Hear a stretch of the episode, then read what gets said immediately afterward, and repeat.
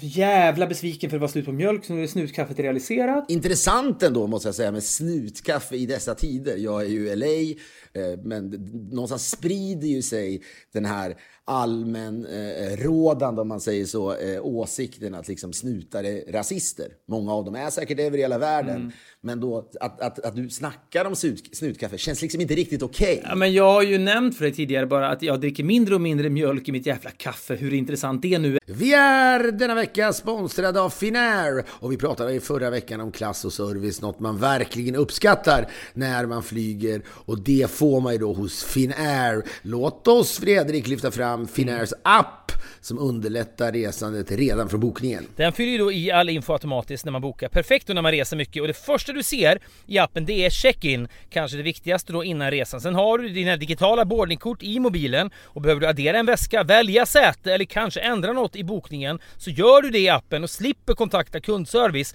Man kan bara föreställa sig vilken tid man sitter i de här telefonköerna. Det här är enkelt, smidigt och tidseffektivt. De är otroligt duktiga på att hela tiden förbättra upplevelsen under resan. Vi säger därför stort tack till Finnair! Vi är denna vecka sponsrade av Blocket och låt oss, kan verka lite dystopiskt men tycker ändå det funkar, prata om dödsbädden. Vi kommer ju alla ligga där en dag och reflektera över våra liv och vi kommer då ångra många saker. Eh, bland annat att vi inte köpte den där drömbilen som fanns i våra tankar under så många år. Ja, men kanske den där opraktiska sportbilen då som var en dröm från barnsben. Sen blir man vuxen med barn och så får man inte köpa en sån där bil. Men man skulle fan bara ha gjort det så att man inte ångrar det när man ligger där då. För på Blocket finns då bilar för alla med Sveriges största utbud av bilar till salu från privatpersoner som såväl bilhandlare. Gå in på blocket.se slash bilar och köp drömbilen på Blocket. Vänta inte så kan man då bocka av den på dödsbädden i alla fall. Det tackar vi Blocket för!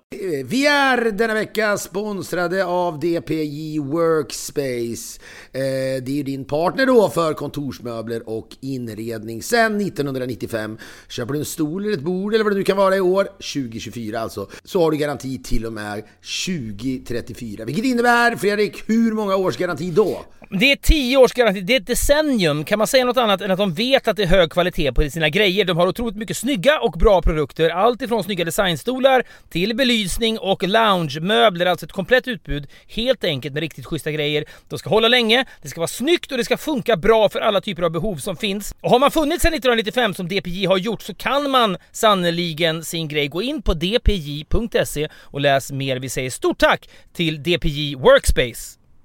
Vi har ett betalt samarbete med Syn nikotinpåsar och det här meddelandet riktar sig till dig som är över 25 år och redan använder nikotinprodukter. Syn innehåller nikotin som ett mycket beroendeframkallande ämne. Syn kommer i olika smaker, styrkor och format och nu lanserar Syn en helt ny smak inom mint. Syn Slim Cool Frost som har en tydlig smak av kylande pepparmint och mentol. En långsmal helvit prilla och enligt 90% av 366 vuxna konsumenter har den en långvarig smak. Läs mer på niko.niqo.com och klicka in på syn. Glöm inte att slänga din tomma dosa i plaståtervinningen. Vi säger stort tack till syn. Är och nu var det slut på mjölk sista ändhållplatsen vid snutkaffet gick mycket fortare än jag hade beräknat. Jag är inte redo för att ta det här klivet än till snutkaffet. Jag sitter här och famlar desperat efter en rät linje mellan så att säga polishat och snutkaffe. Ja, det är inte... Jag, vet, jag kan, kanske kommer kunna på, på någonting, men det är än så länge svårt. Var det inte så att vår kära vän Hasse Ingmansson, som tyvärr inte längre är med, sa inte han något kul om snutkaffe någon gång? Hade inte han någon finurlig formulering? Framförallt kallade han väl glassen 88 för Woody Allen-glass. Jag ja. vet inte om du har skrattat med någon gång i våra liv. Ja, det tyckte vi var helt otroligt kul. Det var... Men det är lite acquired taste, måste jag säga. Jag är inte säker Ja, men det är verkligen, för han tyckte att det var, det var GB-utbudet, liksom lite, lite raffinerat. Bilden av Woody Allen var ju då också för 15 år sedan delvis annorlunda än vad den är nu ska man säga, för det är liksom ingen pedofilglass, utan det var att den kändes lite New York tyckte han. Den kändes lite Upper West Side. Den är väl liksom en glass för akademiker? Ja. Med lite sån här kross på. Alltså, det, det, är... det, var, det tyckte vi var skitkul och det var faktiskt så att när han begravdes Hasse så tänkte jag att jag skulle ha en liten stund för mig själv efteråt. Eh, jag lämnade då Storkyrkogården heter den va? Hasse ska vi säga då är regissör och var en fantastisk människa på väldigt, väldigt många sätt som lämnade oss alldeles, alldeles för tidigt. Vi hade ju så jävla han var en sån unikt finurlig människa. Jag kände plötsligt ett behov av att säga det. Ja. Han var ju musiker från början, var med i eh, The Creeps, som kanske inte så många kommer ihåg. Ja, idag. verkligen. Och så var vi, gjorde vi eh, 100 höjdare med honom, åkte runt i Sverige och hade så jävla roligt. Det är någonting med folk som levererar humor som man inte kan se komma överhuvudtaget. Ing, alltså, så att höra att 88 är Woody Allen-glass, det kräver en viss sorts Ja. begåvning. Men han var också, han berättade någon gång, det var en annan gång han stod i en krogkö på Söder och så gick det förbi en kille med någon, liksom en vit snubbe med en jätteafrofrisyr så att säga. Eh, Man får verkligen se upp vilka jävla ord man använde just denna tisdag när vi pratade om detta. Men då ropade han åt honom, det här kanske var 2003 eller någonting. Hör du, ställ dig sist i kön med din jävla drickyoghurt reklamfilmsfrisyr. Det är ett ord med väldigt, väldigt många Just idag måste jag säga, jag vet, men idag måste tarva en liten förklaring. Då. Du pratade där om reklamfilmer och det var då att på, på den här tiden när man rollbesatt. Ja, Jag ska framför allt säga att i början på 2000-talet var det otroligt vanligt med, med reklamfilmer för drickyoghurt. Det var ju en grej då, drickyoghurt utan proteiner i. Nu är det, ju- har det ersatts av proteindrycker, men då var det drickyoghurt var ju då någonting folk drack och det gjordes mängder, det var ju alla produkter var likadana. Det man kunde differentiera sig genom och sticka ut genom var reklamfilmerna. Ja, men, och då var det väl också den här afron betraktades väl som någonting liksom exotiskt, men nu kallar den för afron. Men på den tiden var det ju liksom lika, det spelade ju även både liksom rasifierade och orasifierade med mikrofonfrillor hade ju liksom en oerhörd framgång just då. De gick ju, för den här typen av då, eh, hårstyle fanns ju också eh, liksom inne på byråerna. Det var ju mycket Ja. in-house casting på den tiden. Ja. Jag tycker det är intressant med reklambyråerna på 90-talet. Kanske bara du som tycker det är intressant, men det var nästan som att när man skulle sätta samman personalen, aldrig Mm. har det varit viktigare att, att det skulle vara väldigt typiska eh, liksom, personligheter utseendemässigt. Att det skulle finnas Det fanns en här- typecasting för människor som jobbade där. Det var säkert ganska vitt, det kan vi nog klargöra. Och den eventu- och det närmaste man kom då kanske något rasifierat var väl att då en hipstrig kille hade en så kallad mikrofonfrilla. Ja, och så då det man liksom honom i en reklamfilm för drickyoghurt. Så fanns det de här långhåriga, svettiga Ebbot-typerna. Det finns en kille som heter Mårten Knutsson som såg ut som en som han du vet, jobbade med, att han jobbade vid någon älv uppe i Norrland egentligen. Mm, ja, verkligen. Så hade han lite coola kläder på sig och så vidare. Sen skulle det väl sitta någon som var lite akademisk och så vidare. De la mycket tid på det där på den tiden. Mm. Ja, verkligen. på reklambyråerna. Jag har ingen aning om hur det ser ut på,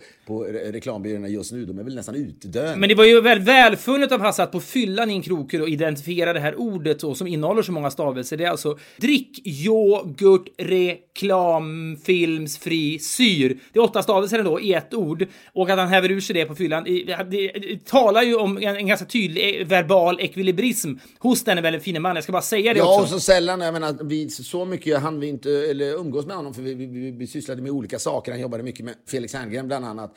Men sällan var en människa man har umgåtts med så här, bjudit på så många skämt som fortfarande sitter kvar. Ja. Och det kan vara fint. Det var ju, var ju eh, några månader sedan så att säga Hasse gick bort. Mm. Men han förtjänar verkligen att, att, att minnas, bland annat som en ordekvilibrist av, av unikt slag. Faktiskt. Jag ska bara korrigera dig. Jag tror att du sa att Hasse menade att 88 var en typisk Woody Allen-glass. Det han sa var GB Sandwich, det är mer liksom en Upper West Side-glass om man jämför med GBs i övrigt ganska grälla utbud. Okej, så 88 nämnde han inte Nej, överhuvudtaget? nej, den hade inga tankar om överhuvudtaget. Den var ointressant för honom. Men GB Sandwich var då Woody Allen-glass på den tiden ett kul skämt. Och när, när Hasse hade gått bort och begravningen var över så satte jag mig också i min bil, kostymen på, finskorna, åkte till närmsta bensinmack för jag skulle köpa en GB Sandwich tänkte jag för att då äta den i stilla, du vet, en liten stund kontemplativt för att då liksom, så en sista liten gest till Hasse, bara han och jag på något sätt.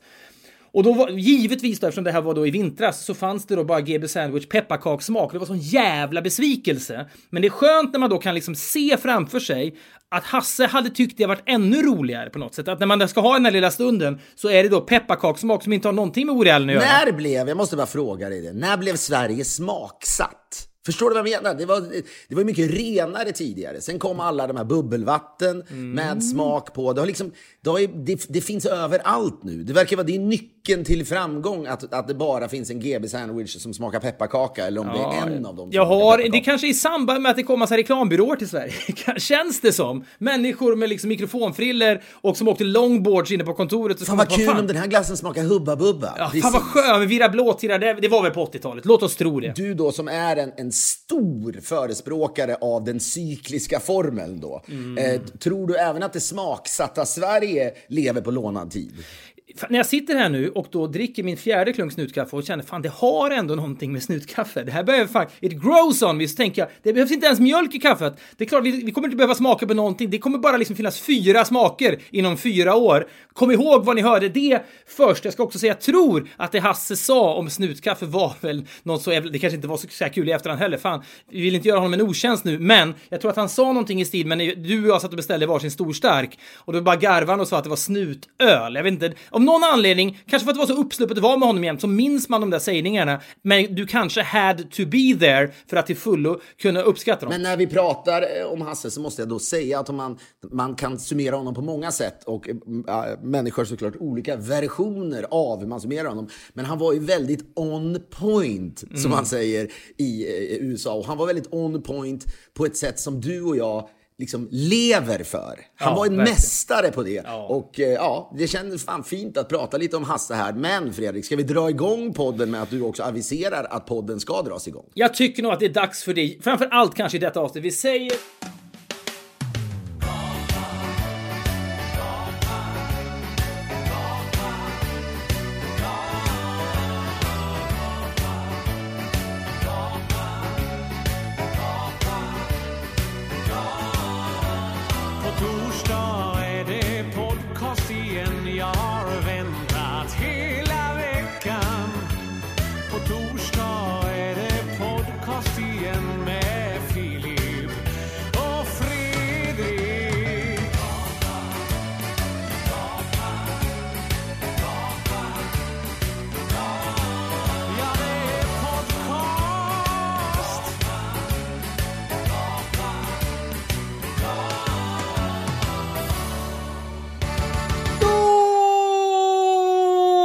säger vi välkomna till Filip och Fredriks podcast. Vi ska inte göra någon jättestor sak av detta givetvis, men jag vill ändå bara läsa upp vad som stod på aftonbladet.se för exakt på dagen, tio år sedan, den 4 juni 2010. Det är Jan Elin som bloggar. Det här bereds inte plats på nyheterna på något sätt, utan det är hans då blogg. Idag, skriver Jan Elin, testar vi ett helt nytt grepp.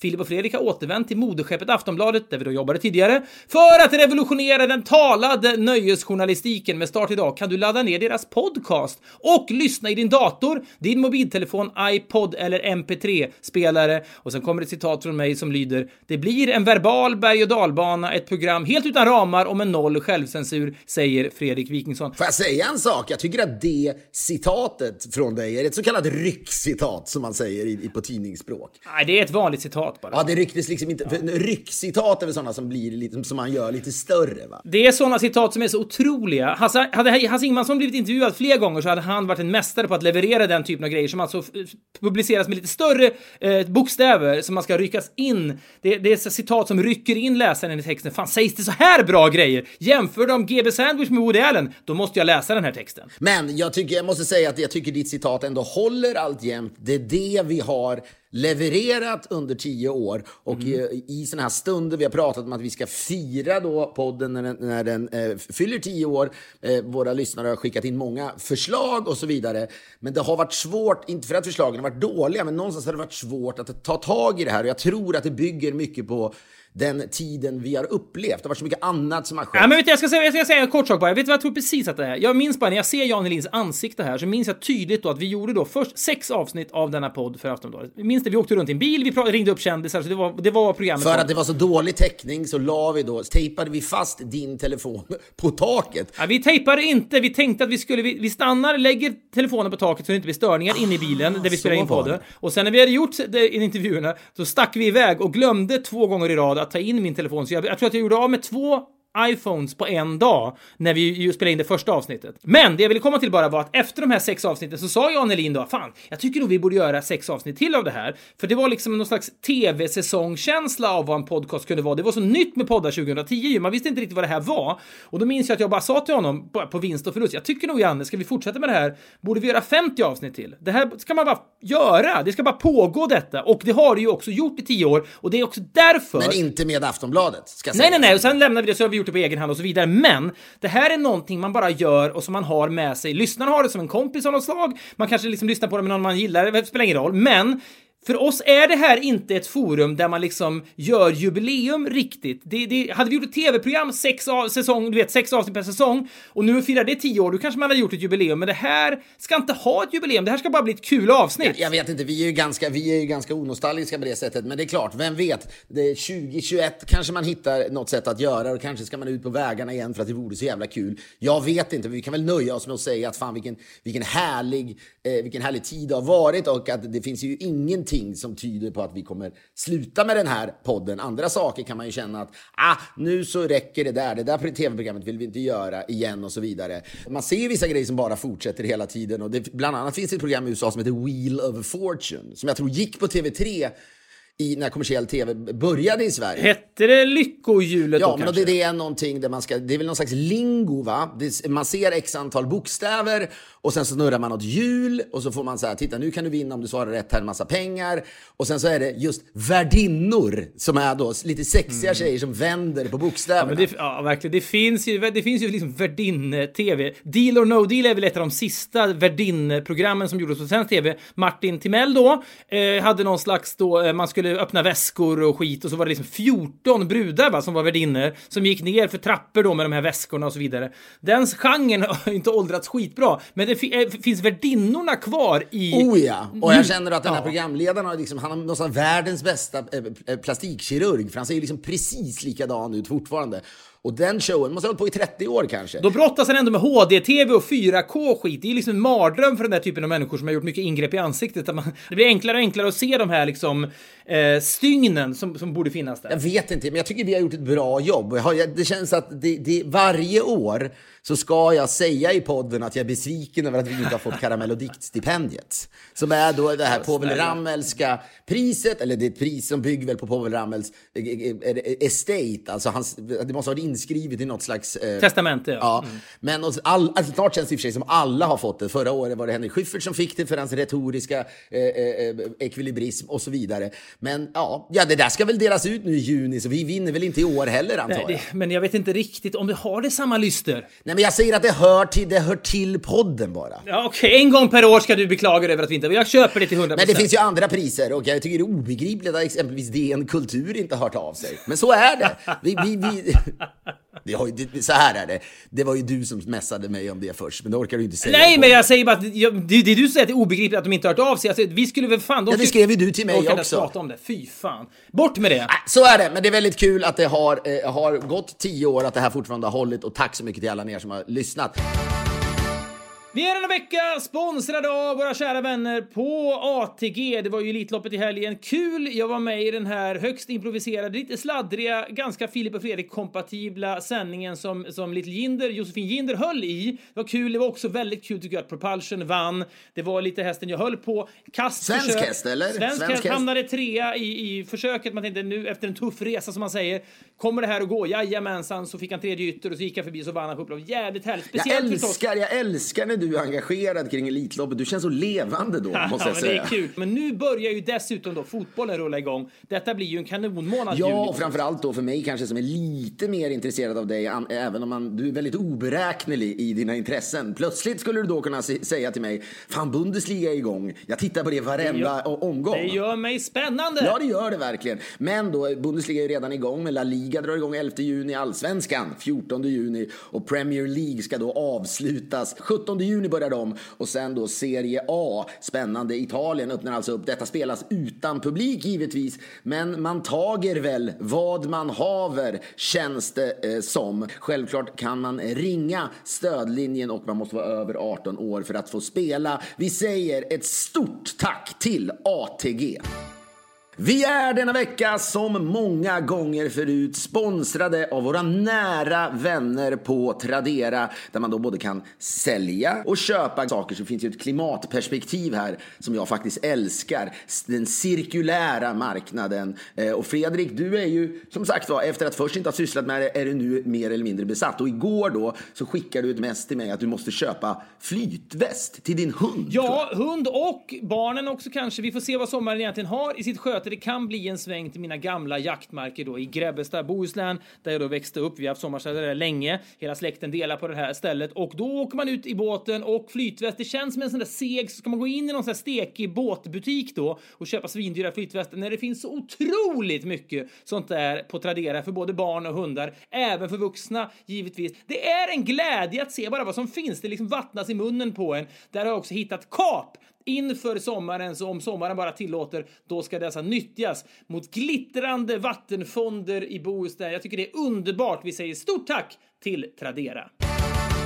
Ska jag berätta en sak för dig? Mm. Om när jag för första gången i mitt liv, i helgen nu, kände att en grupp kvinnor tyckte att jag var väldigt sexig. Oj, vad kul! Det är väldigt ovanligt. Som sagt, jag går aldrig, den tanken har aldrig slagit mig, helt ärligt. Jag kan vara fåfäng på många sätt. Men, jag Ja, men jag, det, som, det som kan hända mig i USA, det här har jag berättat för dig många gånger, det är ju då att män tittar uppskattande på mig. Framförallt i, i Los Angeles, jag vet inte, det kan även vara i New York i och för sig, lite, lite bögigare städer. Kan jag Inte få när vi var liksom utanför St. Louis och gick på Mark Twain-museet. Nej, nej, nej, nej, nej, nej, nej, precis. Men däremot så här, ingenting gör mig liksom mer så här. Jag får en jävla stolthet och klipp i steget när liksom bögar tittar uppskattande på mig. Jag blir så, det kan vara liksom 80-åriga gubbar som går hand i hand, båda sneglar på mig och tänker, de skulle, jag tänker så här, de skulle hellre ligga med mig än med honom. Det, det känns otroligt tycker jag. Men, men det är det här med att en grupp kvinnor då, som en organism Ja, men jag uppskattar tror de nästan kände, herregud, hur sexig kan man vara?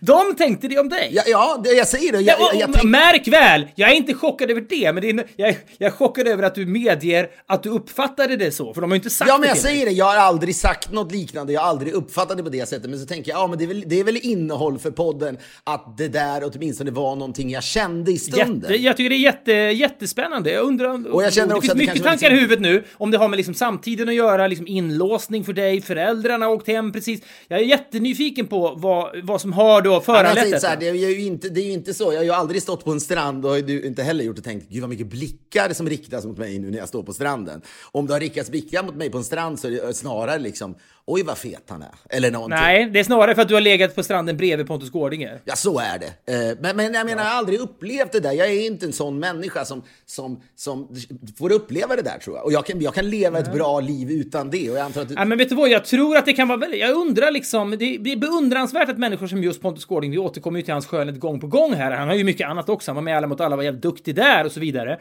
Men att, ha den typen av skönhet och få den typen av blickar i ett helt liv, det tror jag också kan vara väldigt skadligt för människor. Det kan ju vara eh, destruktivt. Tycker du att det har skadat Pontus, eller?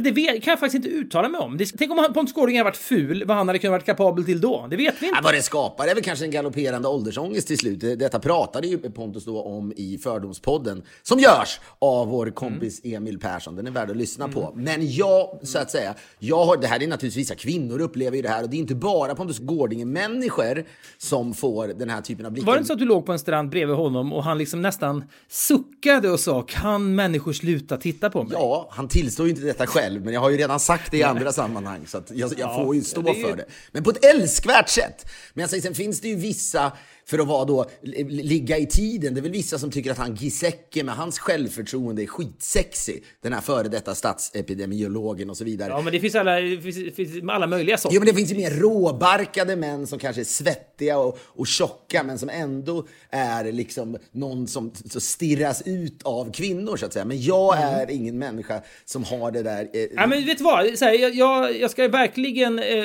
emotse fortsättningen av den här berättelsen med stor entusiasm. Jag ska bara säga innan, du, du kan ju inte sorteras in i ett tydligt fack. Du sorteras inte in i Gårdingefacket. Du sorterar dig heller inte in i grisfacket, Ebbot-facket. Du vet, här. Det där jävla, det där är ett härligt monster för mig. Jag vill, nu måste jag fan gå in och säga, Ebbot är absolut, som personlighet är han ju ljuvlig, men du menar att han är Ja, liksom... men jag säger bara så, han är ju lite mer av ett, ett väsen ja, liksom. ja, precis. Och att han liksom... Ja, och det, det, är en, det är en väsenlik sexappeal för somliga kvinnor. Det finns tydliga follor man kan sortera in Ja, sexiga men och sen har du ju även, om, sen har du ju även då klart Ola Rapace. Mm, Han nosar väl ändå på Ja, monstret? men det är ju inte alls som, som, som, som Ebbot är. Ebbot är ju en kärvänlig, svettig häftigt väsen. Ebbot är kanske ett monster som bor i skogen. Rapace är kanske ett monster som liksom bor mer i skärgården. Ja, något sånt skulle det kunna vara. Jag vet inte, men det är som säger så här, men jag och i viss mån du.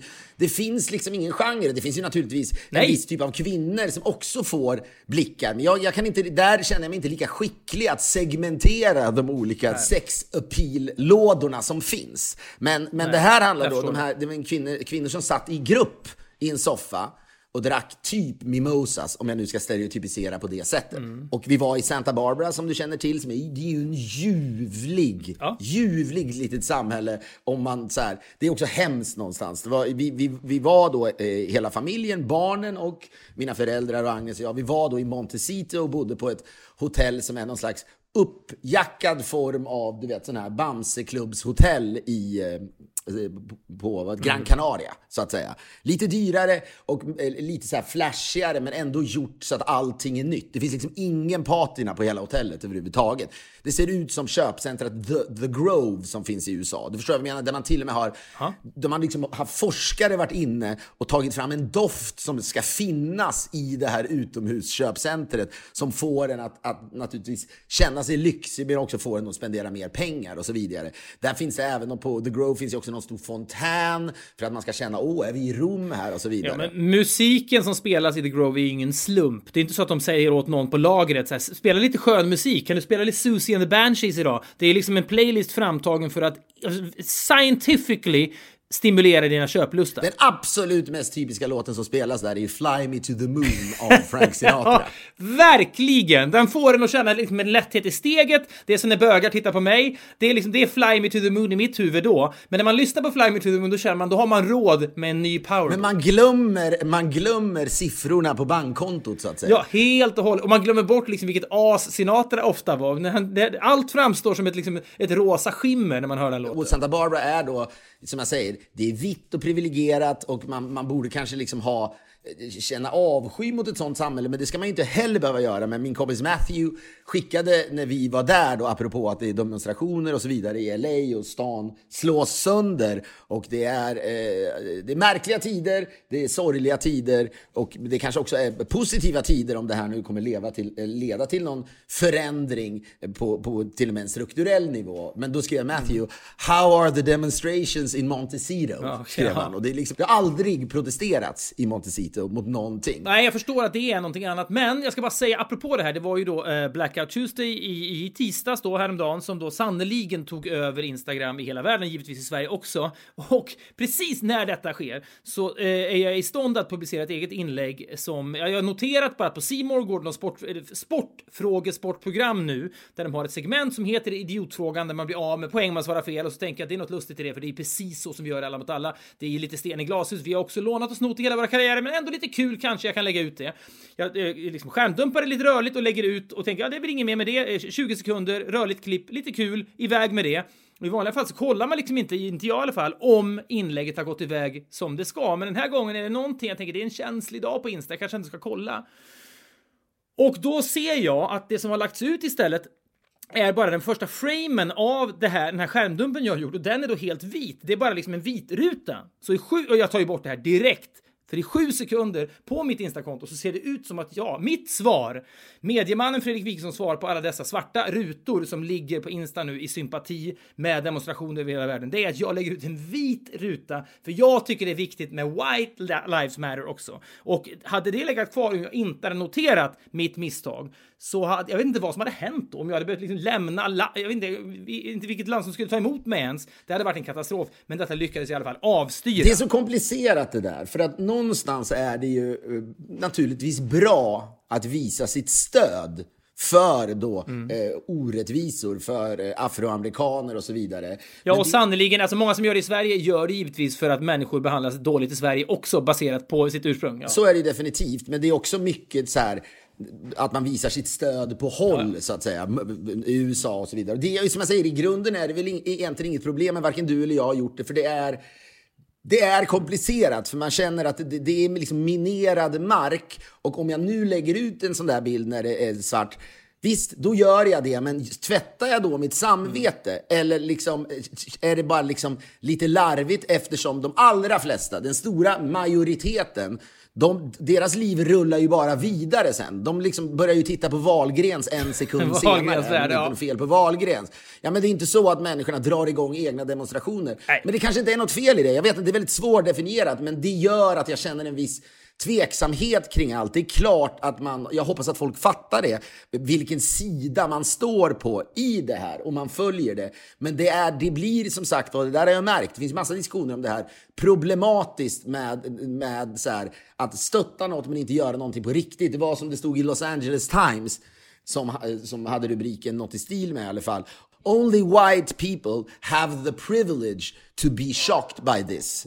Det vill säga, det, det, är liksom för att man har tid och inte har någonting annat i sin tillvaro eller att man upplever rasism och att man liksom har fullt upp med att bara liksom försöka kunna ha ett liv som är drägligt. Och det någonstans mm. illustrerar ju den här problem, problematiken överhuvudtaget. Ja, men jag, tror, jag tror Will Smith av alla människor tror jag sa racism isn't getting worse, it's getting filmed. Det är ju, för att vara Will Smith, jag väntar mig inte mycket av honom, men det var ändå väldigt koncist och bra ju. Att nu får vi bara se rörligt på det som har pågått, alltså i hundratals år. Ja, men jag såg någon bild också, det är mycket historiskt som händer nu och eh, det är klart att, att följa sociala medier innebär ju inte bara att man, man känner sig ambivalent till alla, alla liksom vita privilegierade människor som lägger ut då eh, eh poster på sin Instagram där det bara är svart och så vidare. Men jag såg någon bild som, som en eh, basketspelare Atlanta som heter Trey Young. Mm. Vill du att jag ska berätta mer om Trey Young?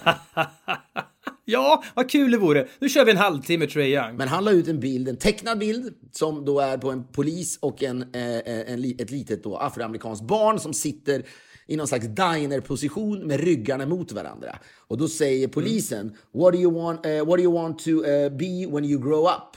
Säger polisen. Och då svarar den här afroamerikanska pojken, eller om det är en flicka, svårt att bedöma, svarar den afroamerikanska barnet då i alla fall, alive mm. bara. Ja, men jag såg den också. Det är, det är starkt. Det säger ju allt. Det är liksom otroligt slagkraftigt. Och Trey mm. Young har ju onekligen mandat att lägga ut det där. Men det är som sagt var, det är också den här Ja, jag, som sagt, jag är så jävla kluven och, och uh, man kanske borde göra det där, men jag tror inte jag kommer göra det. Jag tror mitt argument för att inte göra det är att jag känner att Fan, men hur mycket kommer jag göra sen då? Hur engagerad kommer jag att gå ut och protestera? Ja, på ett sätt borde jag göra det, men jag är rädd att jag är så pass dålig att jag att jag in, inte gör det. Jag vet inte. Det, det, det, det är jävla... Det, ja, men du menar att vissa handlingar som är lätta att göra i flykten tarvar liksom follow through och uppföljning och gör man inte det då kan man strunta i det där först också. Man kan argumentera emot det givetvis och säga att det är väl bättre att man gör någonting än att man inte gör det. Men samtidigt kan man, vad betyder en gest av en mediaperson? Jag vet inte, det blir... Ja, men det kan ju vara väldigt provocerande naturligtvis för den utsatta gruppen. Om man säger, ja plötsligt nu, det var det här som tarvades så att säga för att, att folk skulle engagera sig. Mm. Och ja, jag vet inte. Uh, sooner rather than later, nu hände det här, jag vet inte. Men det är, det är en problematisk tid. Ja, men får jag bara fråga en sak mitt i detta då? För du har ju då levt, det, det, det är liksom eh, pandemi eh, över hela världen givetvis. Du har haft liksom lockdown och karantän på ett lite annat sätt än vad jag åtminstone haft i Sverige. Du har haft dina föräldrar boende hos dig i tre månader och det har varit väldigt speciellt för dig, mer speciellt för dig än för mig. Och just nu, nu är, du, nu är du inne på tredje dagen av utegångsförbud. Nu är det utgångsförbud och det är riots också, det är demonstrationer, så det är liksom, och det är val i höst. Det är liksom, det det är ju alla tider är speciella, man glömmer bort hur speciellt det är. Det fanns inte Instagram 1968 eller liksom the What's Riot och så vidare på 60-talet. 92, nej, nej 92 under Rodney King-kravallerna. Rodney King och så vidare. Ja, men så här, är så här, tiderna är aldrig riktigt så speciella som man tror att de är, för man, man blir lite historielös, så är det bara. Men för dig, att det här stora pågår och samtidigt har det här lilla pågått med familjen också. Jag bara är lite nyfiken på hur det kändes när dina föräldrar åkte hem då, igår om jag förstår saker rätt, efter att ha varit där hos dig så otroligt länge. Var det starkt eller? Pappa din var ju då med... Pappa din? Vad är det för norrländska? Ah, han var ju med i podden förra veckan. Det. det är fint ja, att du säger det. Pappa din! Han var ju med i podden förra veckan. Det var väldigt fint att ha med honom. Men hur kändes det då när de åkte till slut? Jag ska säga att det var oerhört emotionellt. Jag trodde inte det, men du vet, jag grät i en halvtimme innan, fick gå på övervåningen och liksom inte visa mina föräldrar riktigt det. Och min mamma var som hon är. Hon, vill, hon, så här, hon har den där sorgen inom sig. Därför vill hon att avskedet ska liksom ske så fort och så, så, så kort som möjligt. så att säga. Hon är, din morsa är så mycket mitt spirit animal. Ja, men hon är ju det. Verkligen. Mm. Ja, men jag kände en era över. Det här kommer aldrig tillbaka. Börjar nästan grina nu. Jag vet inte vad det är med mig. Mm. Men det kommer aldrig tillbaka på något sätt. Ja, men jag fick precis mest från min pappa då. De har kommit fram nu till Köping och eh, ja, hamnar väl i någon slags karantän då, de också. Eh, och så skriver pappa, älskade ni i bilen på väg till Köping. Allt har gått bra, tack för allt. Avskedstårarna rinner fortfarande. Oh, fy fan vad starkt.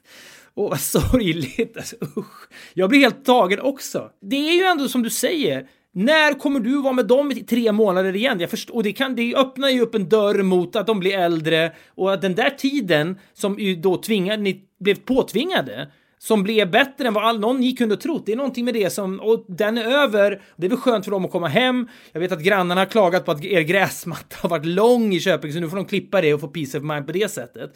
Men det är klart att det är någonting ja, super-vemodigt. Ja, men, det, är, det är någonting väldigt orättvist i att, att jag på ett sätt då har, har mitt i hela, under den här pandemin och, och, och, mitt i alla dessa tragedier som sker över hela världen så fick jag också då uppleva en guldkant. Ja. Eller, ja, jo, men orättvist är det väl, men så är det ibland. Men då, jag även, jag ser alltså vad som har hänt är ju att jag börjat liksom uppskatta familj mer. Jag har väl alltid uppskattat det, men det har blivit så jävla reellt och närvarande i mitt huvud. Nu återstår det ju att se. Är jag bara en människa som lägger upp en, en svart mm. ruta på mitt Instagram och sen inte sysslar med follow through, ett av dina favorituttryck i, i, i, i din vokabulär. Jag är bra på follow alltså. Kommer det här betyda att jag, du vet, zoomar med mina föräldrar oftare? Kommer det betyda att jag liksom bara hör hur de mår och så vidare? Jag vet inte. Nej, men visst, det är ju en jättesorg, det är en jättesorg tycker jag, när man tycker sig kunna förutse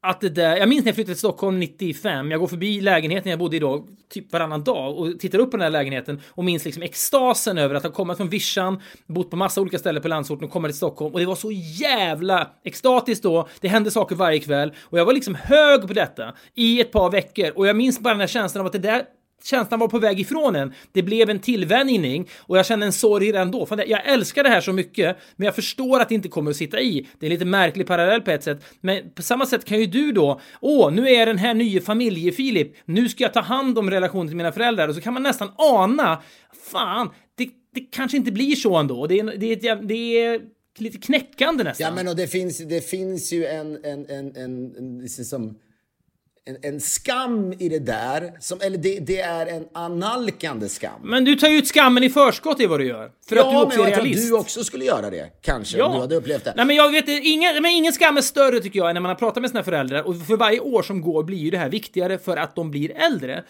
Men det är ju när man då kommer på sig själv fyra och en halv minut in i något jävla samtal med morsan eller farsan. Och man bara säger fan nu har jag ingen energi kvar. Nu blir det enstavigt, nu vill jag att det här ska ta slut. Och sen tar det slut och så lägger man på luren och så bara Nej, varför orkar jag inte mer där nu då? Det, det, det är en jävla skam. Nej, men och sen är det då fascinerande för folk man, man känner här och bara...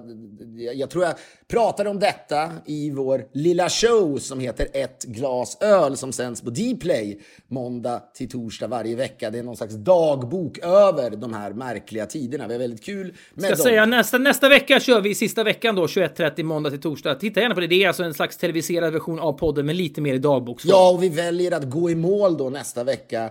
Man måste hitta någon slags relevant slutdatum för detta kan heller då inte pågå i en all evighet. Det blir sommar och så vidare och folk ska väl även trots omständigheterna försöka, eh, försöka njuta av någon slags semester. Men det är alltså dagen då eh, det är väl skol, skolavslutning på de flesta håll i Sverige. Och då känns det som att nu, nu kommer det hända någonting nytt. Ja, men nu, kan, nu måste man ta hand om sina barn. Nu kan man liksom inte bara dricka längre. Nu måste man skärpa till sig och ta hand om sina barn. Nej, men och sen om det, om, om det då sker att det kommer en ny våg i höst och saker och ting blir likadana så kanske ja. vi kommer ta upp tråden igen. Men jag tror att i eh, ett av avsnitten i eh, ett glas öl så pratade jag om att det var bland annat mina föräldrar hämtades av en, ja han har blivit en kompis till mig, en armenisk eh, då, eh, chaufför eh, som, som är, han är Uber-chaufför och taxichaufför, han är lite allt möjligt. Men när han då, när jag sa de ska åka imorgon och så kom han och så sa han bara, men varför ska de åka nu då? Och jag började vet, snacka, ja, alternativet hade varit att de skulle stanna tills det finns ett vaccin.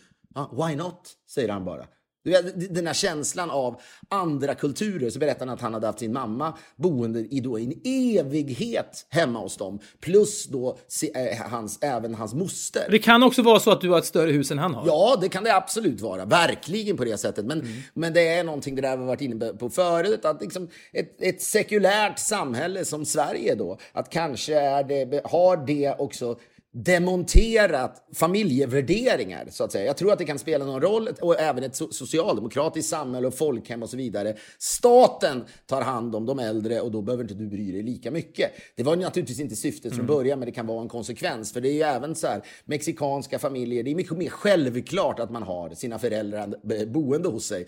De, de mexikanska Filip och Fredrik, som säkert finns, de skulle aldrig prata om hur unikt det är att en av dem har haft sina föräldrar boende bodde hos sig Nej. i tre månader. Är det nu det börjar bli dags att hylla Paolo Roberto för att han har så stark relation till sina fastrar? Har han det? Lite för tidigt. Har han det? Ja, men det har han. Men pratar väl alltid om dem i sina kokböcker? Ja, det är nog det är dunder mycket för tidigt, såklart. Ja. Eh, ja. Men, nej, men, men, men jag bara, bara känslan av att känna det där eh, och att vara lite orolig för, kommer man ta upp tråden snabbt igen och kommer jag, för ibland har jag känt fan jag förändrats i grunden av det här. Mm. Fan vad det är viktigt och så vidare. Det har varit många, det har ju varit liksom i min värld, inte för andra, men i, för i min värld och min tjejs värld, så liksom ikoniska kvällar när vi har suttit här och gått igenom mina föräldrars liv. Det är jättejobbigt att prata om det här till och med nu, för att jag känner att fan, när kommer det där tillbaka och så vidare. Och jag, jag, som sagt det där skrev ju min pappa och så skriver jag till Agnes då när, när, jag har, när de har åkt och så har jag dessutom gått och, åkt och lämnat mina, eh, eh mina barn då eh, och, och, och, hos deras mamma och i, i skolan eh, har min son börjat i.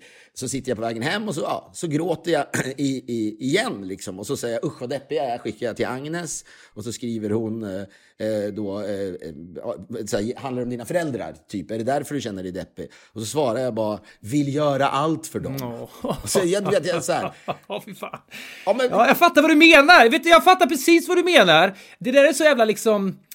Usch, jag kommer ihåg att jag liksom, för vi firade min farsas 70-årsdag på något sätt och så kände jag bara så här, fan vi har inte riktigt firat morsan på samma sätt och så bara har jag liksom, har det har inte riktigt liksom blivit av. Jag, jag och min brorsa åkte med farsan och såg någon liksom Manchester United-match på du vet Old Trafford och det är liksom så här, det gjorde vi med farsan och morsan det har man ju lika tajt relation till och så finns det ingen lika tydlig grej som hon vill göra. Farsan har drömt om att se en Premier League-match och sådär. Och så har man liksom inte gjort det. Vad fan är det? Vad fan är frågan? Det där vet att jag, det är otroligt, otroligt att du tar upp det här, för det här var en av många konversationerna vi hade vid någon av de här inte sällan ganska blöta mm. kvällarna. Men just när jag växte upp så var det ju så att jag och pappa hade Malmö FF gemensamt. Så vi åkte på extremt mycket matcher, inte minst då matcherna som, som, som spelades i, i, i liksom närområdet till Köping. Det var på den gamla anrika Domnarsvallen mm. i Borlänge, Brage, det var Örebro, det var Stockholm och så vidare. Och min mamma liksom tog upp att det var jobbigt för henne att känna att jag och min pappa hade den grejen ihop. Mm. Och det var så viktigt för oss. Vi såg alla matcher ihop. Men hon hade liksom ingen grej med mig. Nej. Utan den fanns inte. Jag tror att det, det kan vara ganska vanligt, vare man säger man är då tjej eller kille, att det är liksom en av föräldrarna man har man en, har grej, en tydlig med, ja. grej med. Verkligen. Och det, där, men det är samma sätt att du har haft den där grejen med din pappa. Det är därför du åker till Manchester eh, och ser en match. Men grejen med din mamma är, sorgligt nog, inte lika tydlig. Ja, men vet, hon hade älskat... Det hade räckt att åka till Lars Lerin-museet i Sandgrund och i Karlstad. Det hade räckt. Men det har jag ju inte gjort. Och nu, sitter, nu kan jag inte träffa henne. Jag trodde du hade gjort det för länge sedan. Det har du, det har ju du pratat om i flera år. Ja, men jag åkte dit med min kompis Martin Persson, så gick vi och såg Winnerbäck istället. Du vet, är, vad fan är det? Vad fan är det? Det var verkligen så. Jag trodde, du, jag trodde ni hade varit på Lerin-museet. Det har vi inte. Du, du vet, och nu, nu, nu kan jag inte träffa henne. Tänk om det skulle hända någonting. Ska, hur ska man gå vidare då? Fuck me! Fy fan vad usel jag är nu. Ja men det är follow, vet, vet alltså, det är? Det är svårt att förändra människor. Du vet, du tror att du är förändrad nu och jag hoppas att du är det. Men fan vad svårt det är att förändras i grunden ändå. Det, fan vad lätt det är att bara falla tillbaka i de här hjulspåren. Det är liksom inte klokt. Ja men och det där är dessutom, det där föder ju en annan diskussion om så här, hur hård ska man vara mot sig själv? Mm. För ibland är man ju svinhård mot sig själv och ibland är man väldigt förlåtande. Gud, ja. Men det är allt ja. där, liksom, det, det, hänger ju ihop på något sätt även med då svartrutan på Instagram så att säga och follow through. Man som, och jag vet, det är någonting i det där som är jag, jag tycker det är värt att diskutera. För, och det finns ju naturligtvis folk som, som säkert forskar kring det här. Men liksom alla drömmar man har i huvudet och liksom alla för, genuina förpliktelser man känner, förpliktelser förenade med liksom lycka lycka någonstans att du vet, gör, mm. åka till Lars Lerin-museet med sin morsa och så, och så vidare. Men att man sen inte gör det där, det är en av, någonstans är det väl en av livets stora frågor måste jag säga. Varför? Varför ja. går det inte? Varför, varför sitter du och liksom käkar en lunch med några kompisar istället för att bara dra, åka ner och hämta din vet... morsa i Trollhättan, sen ja. åka till Lars Lerin-museet, sen skjutsa tillbaka henne till Trollhättan? Ja, men nu kan, om hon skulle messa mig och fråga varför har du inte gjort det här? Nu kan jag ju inte göra det, för nu, jag vill inte träffa henne för jag vill inte smitta henne med något jävla virus om jag skulle sitta på det. Men hon skulle verkligen kunna säga så här, om hon skulle messa mig så här, du jag har tänkt på en sak, ni åkte med pappa till, till Manchester och såg en fotbollsmatch, varför gjorde ni ingenting med mig? Du vet, vad ska jag... Det, vad fan säger man? Det finns ingen ursäkt ju. Nej, men då det där att, att, att, att, att ransaka sig själv på det här sättet, det är kanske många mer som gör det mycket mer än vad vi gör. Det är kanske vi som är värdelösa som inte ransakar oss själva. Men kanske Säkerligen. kan en, en sån här podd när vi firar tioårsjubileum då möjligtvis få folk... Ja, men inte fan vet jag. Man känner ju och sen så vet man... Nej, jag, jag säger, vet vad det är? Det är bara någonting med den här podden Ibland har, har, man inte haft tid att göra den riktigt, men då har man squeezat in den bland massa tv-produktioner och filmer och vad det nu är. Och det är alltid en jävla, ett jävla nöje att göra den. Det är något ironiskt att när man då inom citattecken firar tioårsjubileum under minimala former förvisso, då ska man ändå sluta med att man hatar sig själv mer än någonsin. Men så, det är väl tillhör den här poddens natur bara, att det är oförutsägbart. Ja, men jag vet, samtidigt så går jag... Men det kan finnas också någon slags insikt i, det kan finnas någon slags insikt i, i och med att man vet att man så lätt blir den personen man alltid har varit, så kan det ta emot att ta en enkel väg ut, Även om jag förstår att många tycker att det är bra att lägga ut en svartruta på Insta, för jag vet att det kommer inte ske så mycket mer från mig sen. Det kanske, det borde definitivt göra det. Men om jag anar att det inte kommer göra det, då kanske jag är en sån person som känner att då behöver jag inte ens lura omgivningen eller mig själv att jag har blivit någon annan. Jag förstår att alla inte resonerar så, men det kan vara en förklaringsmodell till varför man inte gör det. Vi är denna vecka sponsrade av våra kompisar på Fodora. Det är ju i dessa tider på det sättet att man gärna stöttar restaurangbranschen när de har det såklart svårt eftersom eh, de inte existerar på samma sätt längre som de gjorde tidigare. Och du Fredrik är ju en så att säga entusiast av att beställa då hem mat via Foodora. Jag är ju det för att jag är väldigt dålig på att laga mat själv. Jag, är väldigt, jag blir väldigt lätt uttråkad. Jag har inget tålamod med det. Jag får hem då väldigt, väldigt, väldigt god mat plus att jag då stöttar restaurang. Det känns som en win-win detta. Nu är det ju också finare väder ute. Man kan ta med sig det här käket ut i någon slags park någonstans, sitta där och tänka nu är det picknick. Det här har pappa fixat, fast pappa bara egentligen har tryckt på några knappar. Eh, det här är ju, tycker jag, ett jävla smidigt sätt att liksom leva livet. Och om du inte använt Foodora eller onlinepizza tidigare så får du 75 spänn i rabatt på din första beställning om du använder koden Filip och Fredrik. Ett ord, Filip och Fredrik. Denna koden är giltig till och med 6 juni 2020. Detta blir i princip gratis den första beställningen om du gör detta. Vi säger stort tack till Foodora. Jag tänker du som är så, så pass anal och någonstans skicklig. Jag antar att du skriver upp grejer du ska göra. Jag har ju allt i huvudet och så vidare. Men du, du, alltså så här, det är sällan du missar någonting. Det hade varit enkelt för dig att bara sätta en not i kalendern och säga ring mamma och pappa. Du vet. vet du vilket sms jag skickade i söndags? 23.38 skickade jag sms till min mamma. Ja, men till min mamma. Fuck! Glömde mors dag, ringer first thing imorgon bitti. Då sumpar jag mors dag. Men, ja, men jag vet inte. Det, det är så här. Ja, ja, så är 23.38, liksom precis innan du lägger dig också. Ja, precis före midnatt också, så jag tycker nu har jag, nu har jag checkat av mors dag i någon mån. Nej, jag är Sveriges sämsta människa? Ah! Nej men det är du inte. Jag är likadan. Men också att skriva, det är någonting att skriva ringer first thing in the morning till din mamma också. Jag vet också att hon har redan gått och lagt sig. Hon kommer inte nås av det smset. Men jag tänker att hon kommer imorgon bitti och se att det är skickat före midnatt. Så jag har under mors dag tänkt på Det henne. adderar ju liksom ännu ett lager av uselhet. Bedrövlighet, ja, ja, ja. Så jag säger... Nej men alltså, jag är inte bra heller, men det som har skett här är ju att på så sätt fick jag ju hjälp jag fick, jag fick liksom oväntad hjälp att vara människan jag skulle vilja vara. Det vill säga, mm, du vet, av pandemin. Ja, men, ja, precis. Men nu får vi se hur det blir. Men av den anledningen kan vi då återvända till det jag sa i början av den här podden. Att jag för första gången förra helgen upplevde ja. att en grupp kvinnor tyckte att jag var något av det sexigaste de har ja, sett. Men det är det som är så härligt. Jag vill komma just till det att det är så här, man kan inte förändra sig själv i grunden, men det som kan vara härligt är att man då kan ibland uppfatta att andra människor ser på en på ett annat sätt än det man har vant sig vid. Det är ju en, en minimal förändring. Ja, men du, du vet, och du, och du, du vet, men jag var med mina föräldrar på det här hotellet och så sa jag då att jag vill liksom, ja, jag bjuder. Jag har mer pengar än er. Mm. Eh, och, och mamma hade sagt innan, för första gången i mitt liv har vi 50 000 kronor på vårt konto eftersom vi inte har bränt några pengar här. Just det. Ja, men någon som, en mamma som då, när, när hon är här dessutom, jag betalade deras eh, extra eh, eh, reseförsäkring för att de stannar här längre. Jag betalar för det och sen sitter mamma då på morgnarna varje morgon och säger att ja, nu måste jag ha ditt kontonummer, vi ska föra över de här pengarna. De här 10 000 ja. kronorna. Så sen nej, gör inte det. Ja, och sen är det, du vet, kommer in med det, vi har druckit flaskor vin, så kommer hon in med du vet, 60 dollar och säger vi måste också vara med och betala. Ja, det, det är ju vackert, men det är, det, det är så här, vad fan, att det ska behöva vara på det sättet. Men det är ju också något vackert i det. Ja, så åker vi i alla fall på hotell då till det här hotellet som liknar ett köpcentrum, men så ändå perfekt gjort för barnen och så vidare i Santa Barbara. I det finns en känsla av att Fly Me To The Moon spelas i högtalarna, även om Fly Me To The Moon inte spelas i högtalarna. Ja, men det är ett kritvitt hotell då. Om det blir helt tyst, om man stänger av musiken, om man ber alla att vara helt tysta, även på utserveringen, så hör man inga som helst polissirener eller demonstrationsljud någonstans. Nej, absolut Det är rikt så in i helvete. Det är burget. Men så sitter vi där och så säger jag att nu är vi där och vi leker med barnen, vet, man ligger på stranden. Det är, fan, det är fan fantastiskt. Ja, men och så, här, och så när vi är där och det var, det var ju liksom jättehärligt hela dagen och du vet, det är bra service och så vidare. Så ska vi käka middag och så säger jag fan jag vill bjuda er på, det här är en fin restaurang, jag vill verkligen bjuda er på liksom. Mm. Det är viktigt för mig att kunna få ge er den här för mm. fina middagen för jag vet att du vet, de uppskattar vin och de uppskattar mat och så, du vet, så, så, så äh, säger mamma, ska vi inte ta in en champagneflaska som jag får bjuda på?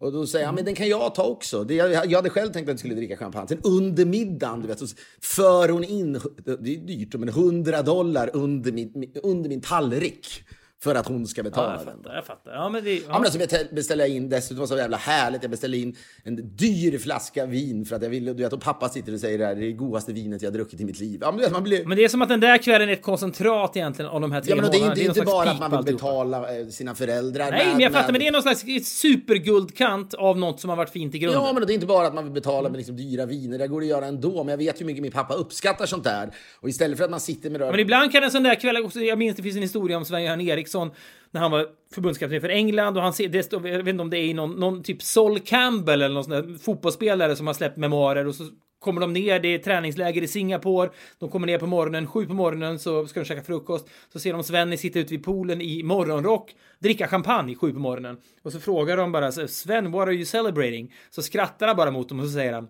life. Och det var liksom starkt för dem att de hade en förbundskapten som var så livsbejakande och udda får man väl säga. Men ibland kan det liksom bara, man, man, ibland vill man bara känna att det här är en hyllning till livet och det känns som att den här middagen var lite så. Och pappa hade liksom ett problem med sin axel så han kunde liksom inte föra upp riktigt det här vackra vinglaset och få ner få ner det i munnen. Utan mamma fick liksom hjälpa honom lite så han fick i det här bordeaux. Oj då. Ja, men sitter där och pappa vill ha en, en, en konjak, mamma vill ha något, ett, ett glas vin och Agnes sitter där och beställer in någonting samtidigt som barnen då på en stor, perfekt gräsmatta springer runt och leker med varandra. Ja. Man vet att Idyll. vilken sekund som helst kommer de börja bråka. Ja, det vet man verkligen. Men det, det, gjorde de då inte hela tiden. Men så, så ser jag då hur de springer runt där och så plötsligt så det är några liksom bortskämda ungar. Man kan då få låna cyklar på det här hotellet. För det är liksom stora, mm. det, är, ett stort hotell. Så det är det liksom små, ja. små liksom cykelvägar precis i närheten av gräsmattan. Och mm. då kommer även servitören står där inne och berättar vad, vad, man kan beställa och så vidare. Så ser jag hur det kommer en kille eller två killar och liksom med en millimeter undviker att köra på Tage rätt i ryggen. Det här är alltså barn som cyklar på cyklarna eller? Ja, ja. men de är väl liksom 12 år. Ja. Och du vet, jag flyger upp ur mm. den här soffan jag sitter i och skäller ut de här killarna efter noter. Och så “That's my son”. Well, you can't do that. Don't you see what's going on? Du vet, så Gåshud! Ja, det här hade jag velat se. Flyger upp och är så jävla... Familjereptil-Filip flyger upp ur stolen liksom. Han har drinkar i kroppen. Han är ändå liksom blixtsnabb. Far upp, pratar engelska och är retoriskt bländande mot dessa barn. Ja, men du vet såhär, you're not good enough to be on those bicycle. Go over there and park them and play somewhere else. Oh. De här killen, småkillarna var ju superrädda. Ja. Sjukt att jag hade sett den här killen tidigare på dagen ramla på cykeln. Och Tage och Ilse... Du hade ögonen på honom? Ja, men Tage och Ilse ser ju ingenting så de springer ju bara iväg sen. Men jag, du vet, det pumpade i mig. Och jag, och jag, liksom, jag samtidigt, vad fan gjorde jag nu? Det var, alla på uteserveringen såg ju det här. Mm. Och, och den här eh, kyparen blev lite stressad. Sen mm. vänder jag mig åt höger, så sitter då tre kvinnor där som är liksom ute på en hel kväll. Och du vet, de tittar på mig med ögon jag aldrig har sett kvinnor titta Hur gamla är de ungefär? Jag vill ha en bild bara. Är det med Oprah liksom ålder eller är de yngre? Nej, men de, nej, de är liksom 45-årsåldern kanske. Ja, ja. Men de tittar ju på mig. Och de, jag ser ju deras ögon att de tycker att jag är sexig när jag, när jag skriker på det där sättet. Det är, det är tveklöst så. Här finns, det finns ingen... De tittar på mig så sträcker de upp sina glas liksom. Och, vet, så Men är det också någonting att adrenalinet pumpar? Det kanske är så att det liksom poppar ut liksom ådror i ditt ansikte. Du kanske har liksom lite mer...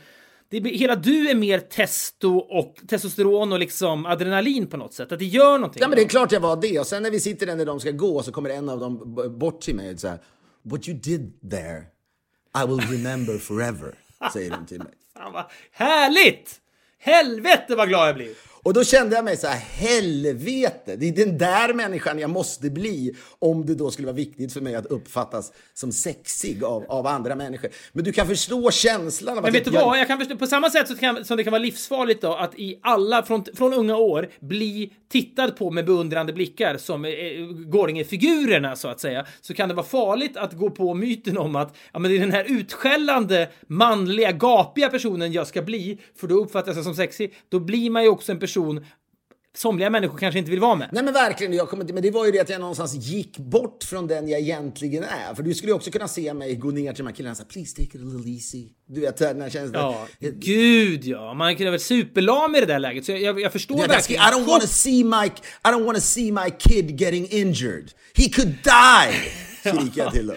Ja, men det är någonting, drömmen du känner då när de tindrar mot dig och hon kommer att minnas det här för alltid så tänker du det är den här personen jag vill vara. Det ringer liksom in det vi har pratat om i det här avsnittet och det vi så ofta återkommer till i den här podden och har gjort så i tio år. Det vill säga, vem är man egentligen och vem vill man vara? För du tänker så här, kan jag bli den här personen nu? Och två dagar senare så har liksom hjulspåren fallit, du har fallit tillbaka in i det och så är du den du är egentligen. Men man kan liksom alltid snegla mot de här andra identiteterna och tänka, kan det där vara något för mig? Det vore så kul att vara den personen, men jag är kanske inte riktigt den personen. Nej, och jag, så det där är ju inte viktigt för mig egentligen. Min, min tjej sitter mitt emot mig och tyckte väl det där var bra. Men det var liksom inte så här. Mm. Jag kände ju inte att hon, hon kanske tycker att jag, om hon nu gör det någon gång, är sexig av andra anledningar. Det här var mer ett, liksom, det jag ville ha är liksom oberoende blickar som vidimerar att det där är en sexig man. Ja, jag, jag kan förstå. Det där skulle kunna göra saker med. Ja, det, nej, jag tror inte det heller. För det, där, du vet, det, det är ju bara liksom mage.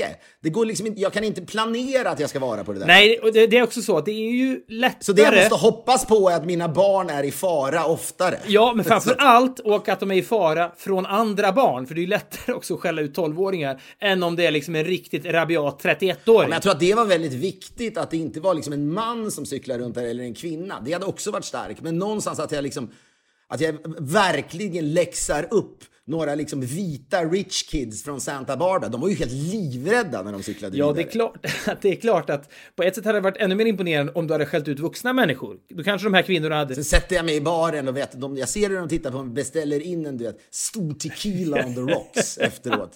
Men hur länge, får jag, bara fråga dig, hur länge kan du liksom surfa på den här vågen du upplever? Nej, men inte, jag kan inte surfa, vadå, det enda gången jag berättar det är det nu. Jag kan inte surfa på den längre. Men de satt ju där länge och drack. Ja.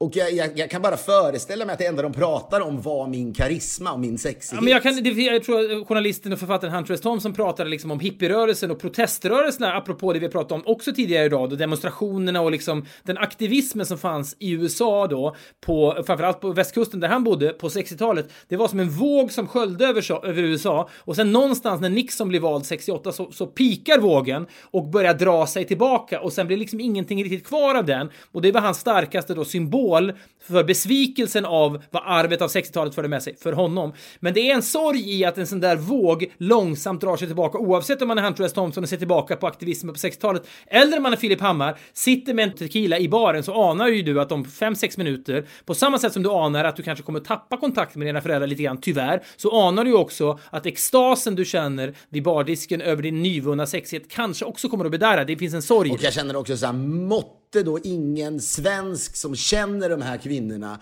det är väldigt svårt, det är osannolikt att det skulle kunna ske. Men det är om en av de här kvinnorna berättar att hon såg en kille på ett hotell i Santa Barbara som gjorde så här. Och så lyssnar då den svenska kvinnan som bor i Santa Barbara på den här podden och kan säga det är han. Och då, då skulle hon kunna avslöja mig och säga han är inte alls så egentligen. Nej, För min känsla är man vill ju att de ska så att säga ta med sig det där. Samtidigt som det är, det gör ju mig, återigen, vi har också varit, hatat oss själva i den här podden. För jag hatar ju också mig själv att jag ens ser det där och att det betyder något för mig. Ja, men jag förstår, men det var fan, man vill väl känna sig åtråvärd. Jag menar, när jag mötte festtraktörerna Uffe och Kicke, jag vet inte om de är med oss längre, det här är ju kanske 15 år sedan. På, jag minns det tydligt, jag är utanför Grand Hotel, typ bron över mot slottet går jag, solen skiner, jag möter, jag tänker för mig själv, där går Uffe och Kicke, festtraktörerna från Aftonbladet Söndag som gör reportage med kändisar, och så går de arm i arm mot mig, båda oberoende av varandra skickar uppskattande blickar mot mig. Det minns jag ju fortfarande, och jag minns att jag tänkte, måtte deras attraktion till mig liksom bli kvar i deras kroppar i åratal. Ja, men kanske är det väl så att du och jag har aldrig blivit blasé på det sättet. Och, I och med att det här sker. Pontus Gårdinger är ju förmodligen blasé. Så Ja, är det ju bara. Han hade ju glömt den där stunden på tio minuter. Sannolikt. Men för mig är det ju någonstans, det, det, det är ett minne jag alltid kommer bära med mig. Visst, det finns något självgott i, gud, skulle det här handla om mig själv? Det jag framförallt borde fokusera på är att min son inte blir påkörd.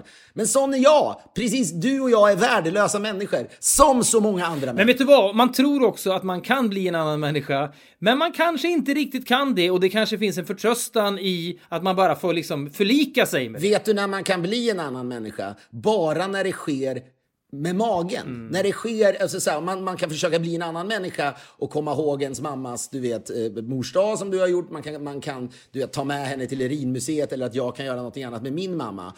Men de där grejerna som när man ska planera och att det ska innebära att den blir en annan människa, det är det man har så svårt för. Men det som, det som skedde då för min del här i Santa Barbara var ju att jag kontrollerade, ja det var ju inte jag, det här var ju en, eh, liksom utom, vad är det man säger? Nej. Ja, utomkroppslig upp- upplevelse. Ja, men jag förstår det. Hade du tänkt att ikväll, då ska jag bli lite manlig inför de här tre kvinnorna som är här på någon slags lyxmiddag, då hade du inte lyckats. Det skedde bara och då kunde du då lajva att bli en annan person i några minuter. Exakt så var det, men omedveten, okalkylerad livning. Det är så det är. Ja, men det är så här, egentligen det jag sa eh, om podden för tio år sedan då. Det blir en verbal berg och dalbana, ett program helt utan ramar och med noll självcensur, säger Fredrik Wikingsson. Det sa jag alltså på dagen då för tio år sedan. Det, egentligen har ju det här varit någon slags narcissistisk självrannsakan i tio år. Det är precis vad det här har varit. Låt så- det fortsätta på det sättet. Tack så hjärtligt! Många av er, det är inte klokt. Det är inte klokt, men många av er har ju lyssnat på alla avsnitt från början. Det, varje gång folk hör av sig till podcast.poddff.com, no, no, man kan skriva andra saker, ibland får man korrigeringar, folk tycker man är dum i huvudet och så vidare. Men när folk skriver att de har lyssnat från start, eller när de än har hoppat på, spelar ingen roll. Det är golvande för oss. Vi är väldigt, väldigt, väldigt tacksamma för det. Vi gör det här för att få prata med varandra, men vi gör det också för att vi har en sån jävla härlig kontakt med er. Jag tycker att ni är Sveriges bästa, smartaste jävla poddlyssnare. Det är inte bullshit! Jag menar verkligen det. Vi ska njuta av Frank Sinatras Fly Me to the Moon. Jag vet inte om den tematiskt på något sätt kan kopplas till den här podden, men det känns som en härlig avklang. Möjligtvis var det väl så att jag kände mig som att jag var på månen när jag utstrålade den där otroliga sexigheten i Santa Barbara. Underbart. Tack för att ni är med oss, kära ni. Vi hörs om en vecka igen. Hej! Fly me to the moon. Let me play among the stars. Let me see what spring is like on a Jupiter and Mars. In other words, hold my hand. In other words, baby, kiss me. Fill my heart with song and let me sing forevermore. You are all I long for, all I worship and adore.